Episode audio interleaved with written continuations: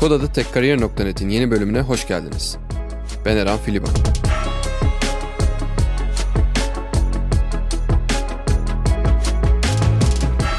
Kodada Tekkariyer.net podcastinin bu bölümde konuğumuz protein firmasında Senior Frontend Developer olarak çalışan Hatice Ediz. Hatice, yazılıma nasıl başladığını, nasıl frontend developer olduğunu bizimle paylaşıyor. Aynı zamanda frontend developer olmak için hangi konulara odaklanmak, hangi teknolojilere hakim olmak gerektiği konusunda da bize yol gösteriyor. Frontend alanında kendini geliştirmek isteyenler, bu bölüm sizlik. Keyifli dinlemeler. Hatice hoş geldin. Hoş bulduk. Bugün seninle frontend development hakkında, ön yüz geliştiriciliği hakkında konuşacağız. Açıkçası hani benim yani sadece konsept olarak bildiğim veya birlikte çalıştığım kişilerden biraz bildiğim ama çok detayına bilmediğim bir alan. Öncelikle hani biraz senin hikayenden başlayalım. Ondan sonra genel frontend geliştiriciliği alanına biraz gireriz. Ya yani senin hatta frontend'e girmeden önce şeyi sorayım ya. Yazılımla tanışman nasıl oldu? Yazılımı öğrenmen nasıl oldu? Üniversite zamanından başlayayım. Benim aslında aklımda hep yazılımla ilgili, daha doğrusu bilgisayar mühendisliği ile ilgili şeyler yapmak vardı ama üniversiteye kadar hiç o alanda bir adım atmadım kendime göre. Ve şey diye düşünüyordum hani üniversite sınavında olursa mutlaka hani bilgisayar mühendisliği yazarım diye. Sonra o sene biraz benim için sıkıntılı bir süreçte geçti ve istediğim gibi olmadı sınavda bazı etkenlerden dolayı. Matematik yazdım ama aklımın bir köşesinde hep ya ben yazılımla ilgili ne yapabilirim? Artık böyle bir şeylere adım atmam lazım gibi düşünüyordum. Çünkü şöyle de bir şey vardı. Tamam matematik okuyorum. Hani bir hayatın gerçekleri var. Ben öğretmenlik yapmak istemiyordum açıkçası. Farklı da bir alana yönelmem gerekiyordu. Ondan sonra araştırma yaparken falan bizim üniversitenin bilişim kulübünün etkinliğinin olacağını gördüm. Onun öncesinde de şey vardı zaten bizim ikinci sınıfta meğerse bilgisayar programlama dersimiz varmış. Ama ben bilmiyordum o zamana kadar. Ve bu beni acayip mutlu etmişti. Zaten ondan sonra şey böyle işte konsol uygulamalarında bir şeyler yapmaya başlamıştım. İşte Pascal'la, C ile. Özellikle artık şey böyle terminal ekranında bir şey yapmak, kara ekranda bir şey yapmak bana o kadar şey gelmişti ya hocaya soruyordum. Hocam bunun arayüzü hani görseli nasıl yapacağız bunu falan diye böyle. Ondan sonra işte oradaki etkinlikte Mer gönüllü arıyorlarmış. Buradan Muhammed Dilmaç'a da selam olsun. Ondan sonra işte ben orada gönüllü olarak katıldım etkinlikte görevli olarak. Ama benim hayatımı değiştiren etkinliklerden biriydi gerçekten. Çünkü yazılım sektöründeki işte rockstar dediğimiz birçok insan vardı etkinlikte. Fatih Kadir Akın, ondan sonra Gökmen Göksel vardı, Uğur Özilmaz vardı, Ruby ile ilgili bir sürü insan vardı. Yine frontend alanında falan böyle. Aslında yazılımın ne olduğunu ve gerçek hayatta yazılımcının neler yapmaya başladığını ben orada anladım. Ve dedim ki zaten ben hani istiyordum bu alana yönelmeyi. Tamam dedim ben alanımı buldum. Bundan sonra buradan kendimi geliştirmeye devam edeceğim. Zaten mezun olup diploma almadan önce de o alanda bir şeyler yapmaya başlamıştım ben. İşte kendimi geliştirmeye. Direkt hani yazım alanında iş aramaya başladım sonrasında da. Öyle gelişen bir süreç oldu benim için. Peki bu yani şimdi matematik bölümünde kaç tane bilgisayarla alakalı, yazılımla alakalı hani ders vardı? Yani orada gerçekten sen yazılımı öğrendin mi? Yani matematik bölümünde. Şöyle benim şansım şuydu bizim hocamız ilk olarak bize algoritma yapılarını gösterdi. Bir sonraki dönemde Pascal gösterdi biraz eski hatta bayağı eski bir dillerden biri ama o algoritma yapısını anlamaya başladığınızda dil bağımsız artık siz yazılım öğrenmeye başlıyorsunuz zaten ve yeni bir şeyler yapmaya başladığınızda sizin artık işte dilin sintaksını ve o dile özel şeyleri öğrenmeye başlıyorsunuz. Ya benim için o güzel oldu ek olarak şey vardı işte algoritma karmaşıklığı ile ilgili bir şeyler görmüştük yine ayrık matematik dersinde. İşte diferansiyel denklemlerde falan yine bilgisayar mühendislerinin gördüğü derslerden. Ondan sonra sayılar teorisi diye bir tane dersimiz vardı. Kriptoloji ile alakalı birçok şey yaptık orada. Yani aslında çok fazla ortak derslerde vardı aslında böyle öğrendiğimiz. Anladım. Peki yani bilgisayarların alt katmanına falan indiği bir veya işletim sistemi falan filan oralara iniyor muydu yoksa genel olarak ya işte algoritma, data yapıları gibi konular mı? Donanım alanına çok fazla inmedik. Aslında inilecekti ama şimdi matematik okuyoruz ve herkes yazılım alanında bir şeyler öğrenmek istemiyor. Hı hı. Ondan dolayı geri adım attı hocamız ve orada kaldı yani donanıma girmeden. Anladım. Ama sonuçta bahsettiğin teknolojiler de işte C, Pascal falan bunlar hani çok da kullanılan teknolojiler diye C belki daha fazla kullanılıyor ama Pascal vesaire. Şimdi hani web dünyasındasın daha doğrusu hani işte yazılım dünyasındasın diyelim.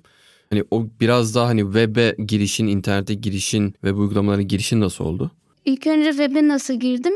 Birçok alanda aslında böyle denemeler yaptım ben. Hangi alanı daha çok seveceğim, hangi alanda mutlu olacağım diye. Android'den başladım. Ondan sonra işte biraz PHP, biraz Ruby'de bir şeyler yaptım falan. Hepsinin böyle bir ufak demo projelerle diyeyim. Kendim deneyimledim aslında. Kendi projelerin, demo projelerin dediğin? Aynen ve oturup işte var olan bir projeyi ya da kafamda böyle ufak tefek var olan şeyleri oturup hani bir test projesi gibi denemeye başladım. Ben hangisini seviyorum onu bir deneyimlemek istediğim için. Sonrasında PHP yazarken bir yandan HTML CSS'e de girmiş oldum. Çünkü kendi yazıyorsun hani sadece backend'de kalmıyor orada. Sonrasında işte böyle ufak ufak yazmaya başlayınca işte iş ilanlarına falan da baktığımda o ara çok fazla PHP ilanları görüyordum. Dedim ben bunlardan birine başvurayım. İlk iş deneyimim öyle bir 6-7 ay sanırım PHP yazarak geçti. Aslında biraz işte JavaScript, biraz HTML, CSS de vardı yine.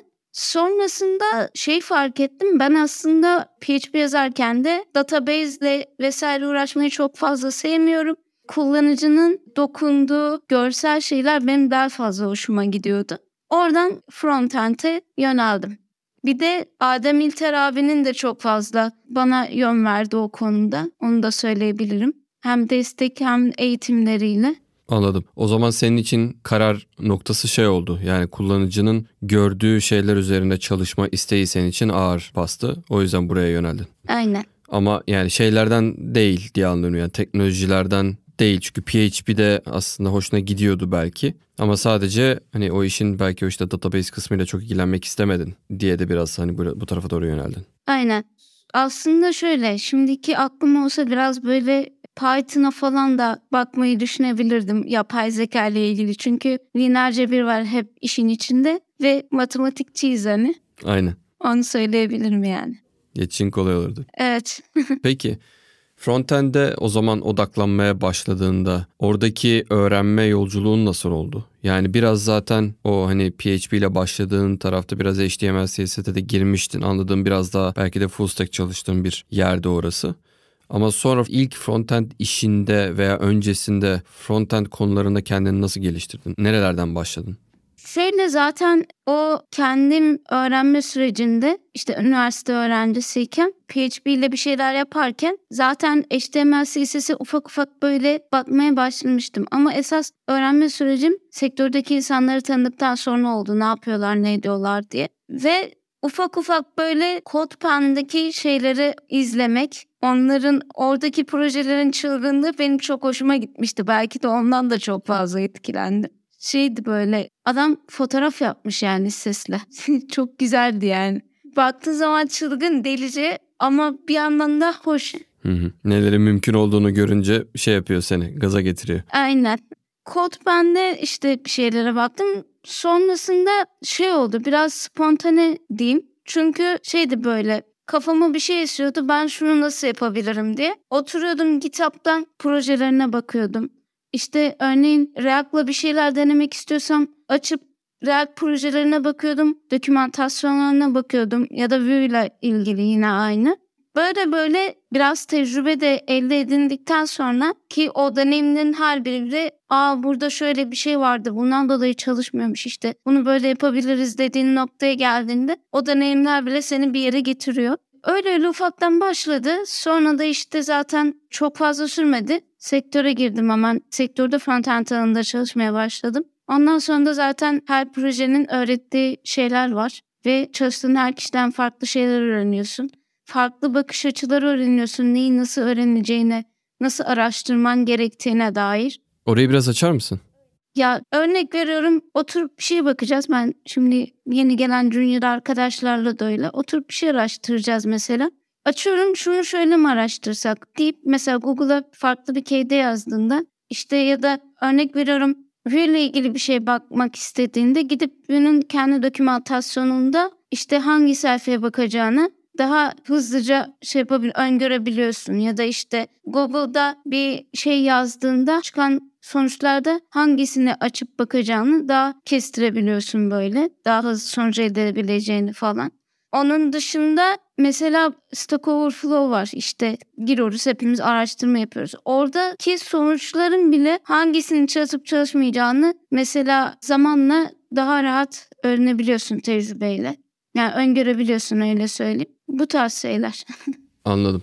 Peki senin için bu frontend yani ön yüz geliştiriciliği öğrenme yolculuğunda, kendini geliştirme yolculuğunda en zorlayan şeyler ne oldu? En zorlayan şey JavaScript'teki object yapıları oldu. Onu söyleyebilirim. CSS'le çok fazla eğleniyordum ve hala da seviyorum. Çoğu frontendci CSS sevmez ama ben seviyorum yani. JavaScript'in gerçekten kendi doğasında bazı kuralları var. Hala da şaşırdığımız. Onlar beni ilk öğrenmeye başladığımda çoğu dehşete sokmuştu. Onu söyleyebilirim yani.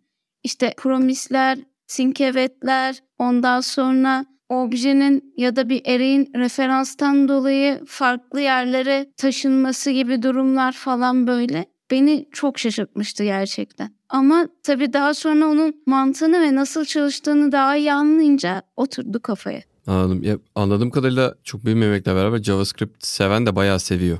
Yani hani çünkü normal böyle bir hani backend dili olarak da kullanıldığı için aslında bayağı tek başına her şeyi yapabildiğin bir dil olarak hani bayağı seveni de var diye anlıyorum. Evet tabii. Bugün JavaScript'te Node.js tarafında bir backend server da ayağa kaldırabilirsin ya da Electron'la desktop uygulaması da yapabilirsin. Gidip React Native ve mobil uygulaması da yapabilirsin. Gerçekten yapabileceği şeyler çok fazla. Ondan dolayı da insanların biraz el ayağı gibi özellikle frontendçilerin sevmesinin sebebi bence o. Anladım. Peki sen şimdi ön yüz geliştiricisi olarak bir günün nasıl geçiyor? Neler yapıyorsun? Yani senin sorumluluk alanların nelerdir? Hatta bunu biraz şey diye de sorabilirim. Sadece sana özel değil, genel bir hani frontend geliştiricisi için sorumluluk alanı nasıldır diye biraz hani genelleştirebiliriz de. Şöyle ilk önce kendi günümden bahsedeyim. Bizim daily'lerimiz oluyor 9.30'da. Daily'ye girdikten sonra şey yapıyoruz. Benimle beraber çalışan junior arkadaşların herhangi bir şeye ihtiyacı var mı? Takıldıkları bir nokta var mı? Onlara biraz destek olmaya çalışıyorum sorup. İşte PR'lar açılmışsa onlara bakıyorum. Onun dışında bazen pair programming yapıyoruz. Beraber geliştirdiğimiz feature'ları işte bug çözüyorsak bug'ları vesaire. Böyle yoğun bir gün geçiyor aslında benim için. 12'de bir aramız var. Ondan sonra tekrar birden sonra 6'ya kadar full time çalışma. e, Frontend'in sorumluluk alanına gelirsek şöyle yazdığım projelerde neler yapıyorum onlardan bahsetmek daha doğru olur sanırım. Eşimiz zaten HTML, CSS, JavaScript işte arayüzü efektif olarak gelen verileri nasıl gösteririz, nasıl oradaki veriyi güncelleriz bunlarla uğraşıyoruz aslında genel olarak. Şöyle işte GraphQL ya da REST API ile aldığımız dataları işte yeri geliyor direkt backend'e gidip onu güncellemesi ya da işte kendimiz bir işlemler yapıp ondan sonra yine arayüzde onun güncel halini gösterme gibi işler aslında yaptığımız şeyler. Daha çok kullanıcıya bağlı. Onun dışında benim bulunduğum proje özel şöyle şeyler de var. Bir arayüz projesi offline da kullanılabilir. Orada işte veri index.db bizim elimiz ayağımız browser'ın. Orada yine veri tabanı işlerine giriyoruz. Tam veri tabanı gibi olmasa da çünkü orada kolon şeklinde değil de obje şeklinde tutuyor aslında tarayıcı. Yani aslında backend'den çok ayırdığımız birkaç bir şey var. Onu söyleyebilirim. Aslında çok fazla ortak yönümüz de var backend'de. Örneğin işte uygulama offline kullanılıyorsa sizin yaptığınız hesaplamaları vesaire gidip kendiniz yapıp aynı backend'deki hesaplamayı onu aynı şekilde arayüzde göstermeniz gerekiyor. Örnek veriyorum. Gibi gibi böyle, bu tarz böyle nasıl desem backend'den çok ayırmayan ama backend'de de işte HTML, CSS'de ondan sonra mesela backend'de server yönetimi vesaire de var. Biz onlara çok girmiyoruz örnek veriyorum. Hani Bu tarz farklılıklar da var yine. Ama elinde sonunda backend'de yaptığımız için işin çakıştığı yerler oluyor. Bu işin bir de diğer tarafı var. Biraz da tasarım tarafı var. Yani tasarım ve backend arasında belki de ortada hem köprü hem de ikisiyle birlikte çalışan bir roldesiniz. Bunun dinamiklerinden biraz bahsedebilir misin? Yani hani size şimdi hali hazırda çalışan bir uygulama olduğu için sizinki uzun senelerdir hani büyümüş bir uygulamadan bahsediyoruz. O yüzden hani belki yeni tasarım şeyleri nispeten daha küçük küçük geliyordur. Yani illaki yeni yeni modüller falan yapılıyordur ama hani baştan bir uygulama yapılmıyor diye düşünüyorum. O yüzden belki orada tasarımsal şeyler daha böyle hani komponent komponent bileşen bileşen belki de sizin tarafa geliyor. Ama orada da bir şey var yani hani yeni bir deneyim yaratılıyorsa baştan düşünülmesi gerekiyor. Hem sizin tarafta hem de backend tarafında düşünülmesi gerekiyor. Orada hani siz bir köprü rolü mü görüyorsunuz yoksa hani o takımın bir parçası olarak mı çalışıyorsunuz frontendciler olarak? Ya şöyle yeni yaptığımız uygulamalar da var. Hani onların tasarımı şöyle geliyor. Bizim koştuğumuz sprintten bir sprint önce tasarım aslında tamamlanmış oluyor. Sonrasında bizim bir ön planlama dediğimiz refinement toplantımız var. Orada bir şey görüyorsak bir eksiklik işte frontend olarak backend olarak dile getiriyoruz. Ama tabii bazen böyle olmuyor. Yetişmiyor bazen mesela tasarım. Ya da o sprint ortaya çıkıyor hani. O durumda da önden ben bir inceliyorum. Bakıyorum böyle ne var ne yok. Ondan sonra işte diyorum bu bizim backend'de henüz yok. Yani bize gelmiyor falan böyle. ya dile getiriyorum o şekilde. Ama şey konusu doğru tasarımcıyla backend arasında bir köprü olduğumuz doğru. Ben şu anki bulunduğum takımda çok bunu hissetmedim açıkçası. Çünkü şey hani ekip bizim gerçekten backendçilerimiz de çok iyi. Hemen böyle frontendçiyi anlayabilecek düzeyde insanlar hepsi sağ olsunlar. Ama hani yaşadığım zamanlarda oldu başka takımlarda diyeyim. O da yani biraz böyle şey işte mesela bir tasarım geliyor bize tamam diyor bu okey bak çok güzel olmuş falan. Onu bazen şey olabilir yani business'ın onu görmedi. Burada bunu gösterirsek yavaşlık sebebi olur vesaire falan böyle. O tarz şeyleri dire getirdiğimiz yerler oluyor. Ya da işte öngördüğümüz yine başka şeyler varsa onları direkt bize nasıl iletiyoruz falan. Öyle backend'de olsun, business'la olsun bir ortak köprü kurduğumuz yerler var frontendçiler olarak. Orada şeyden bahsettin ya sağ olsun backendçiler de bizi anlıyor frontend'de anlıyor dedin. Aynı şey herhalde sizin için de geçerli. Sizin de backend'de anladığınız bir dünya var diye düşünüyorum. Yani orada Tabii. frontend backend arasında hani oradaki o geçişleri sağlıklı yönetmek için nasıl bir yol önerirsin? Aslında şöyle işin en büyük kısmı konuşulurken başlıyor. İşi bir yandan konuşurken bir yandan da işte inceliyoruz bunun hani code base tarafında öngörebileceğimiz hangi durumlara sebep olabilir diye.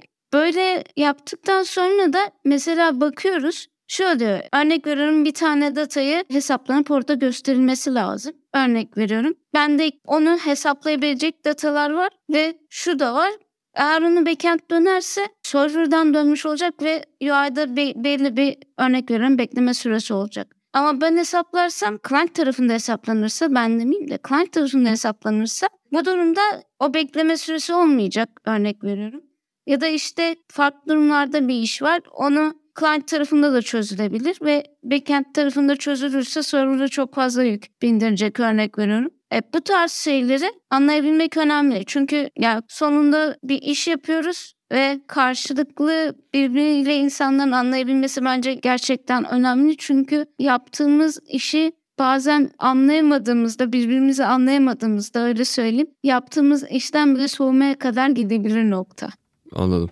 Peki şimdi o durumda senin daha iyi anlaman için aslında biraz da biliyor olman lazım diye anlıyorum ya. Backend'in nasıl çalıştığını. Gerçi sen hani PHP geçmişin olduğu için zaten biraz da biliyorsun ama hani orada hani şey önerin ne olur yeni bu yola girecek insanlar için? Yani o backend'i ne kadar bilmeliler?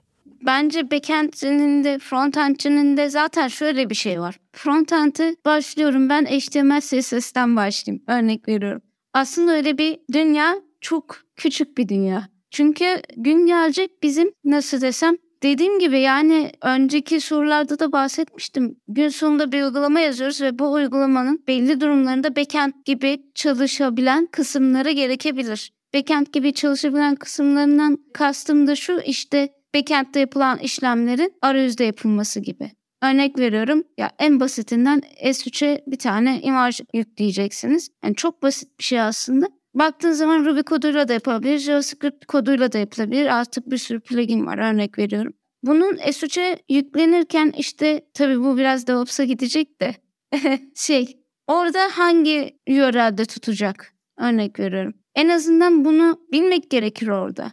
Dediğim gibi şöyle frontend'e başlıyorum diye bir şey yok aslında işte o konuda. Sen aslında yazılıma başlıyorsun bir şey başlarken. Çünkü yarın bir gün JavaScript yok olur başka bir dil gelir. Client tarafında kullanabileceğin. Ve orada aslında benim görüşüm şu sen algoritma yapısını biliyorsan, programlamanın mantığını biliyorsan, for loop'ları vesaire vesaire vesaire derken sen zaten o dile maksimum 2-3 ayda adapte olursun herhangi bir dile. Anladım. Peki biraz da şeyi de merak ediyorum. Bu işin biraz geleceğini de konuşalım. Şimdi şey tarafında, arayüz tarafında özellikle bayağı böyle bir hani no code diyebileceğimiz hani araçlar da çıkmaya başladı ve çok kolay, nispeten hani kolay bir şekilde arkadan gittikçe daha da aslında komplikeleşen, sofistike hale gelen bir hani uygulama geliştirilebiliyor. Hem ön yüzü olan, arka tarafında belli bir kodun çalıştığı, bir login çalıştığı bir şey yapılabiliyor. Bir hani ön yüz geliştiricisi olarak bunları nasıl değerlendiriyorsun? Sana hani bunlar bu arada fayda da olabilir. Yani bunları sen de araç olarak kullanabilirsin sonuçta. Ya şöyle frontendçiler çok fazla no code araçlarını sevmiyor aslında da ben öyle bakmıyorum çok fazla. Çünkü gün içinde yaptığımız çok fazla proje var ve mesela o projelerin yanında bir de işte böyle landing page gibi uygulamalar da hani sitelerde çıkabiliyor. Bunlar mesela çok rahat no code araçlarıyla yapılabilir şeyler ya da işte hadi onu da geçtim. Bugün bir tane startup fikrin de var senin. O fikir ilerleyecek mi, ilerleyemeyecek mi bunu test etmek için bile kullanılabilir bence. O yüzden ben faydalı buluyorum aslında. Onu söyleyebilirim. Onun dışında şey kavramı var işte frontalcilerin işini elinden alacak. Bence çok fazla öyle bir durum yok çünkü yani yaptığımız projeler artık şey yani web projesinden çıkıp web uygulamasına gidiyor. Yani web uygulaması aslında ve çoğu yerde business'ın içine girdiği yerler o no kodlarla yapamayacağın çok fazla şey olabiliyor. Bundan dolayı bence çok bizim işimizi olumlu yönde etkileyeceğini düşünüyorum ben. O kadar da kolay değil diyorsun. Bir yere gittiğimiz yok diyorsun yani. Aynen, aynen. Tabii bunlar da sizin için araç olarak aslında kullanılabilir. Daha da işinizi kolaylaştırabilir, üzerine kuvvetlendirebilir de yani. Süper. Hatice çok teşekkürler. Ağzına sağlık. Ben teşekkür ederim. Güzel bir örnek oldun aslında bir ön yüz geliştiriciliği yolculuğu adına. Eminim dinleyenler için çok çok faydalı olmuştur. İnşallah faydalı olmuştur. Dinleyenlere de ayrıca çok teşekkürler. Bir sonraki bölümde görüşmek üzere. Görüşürüz.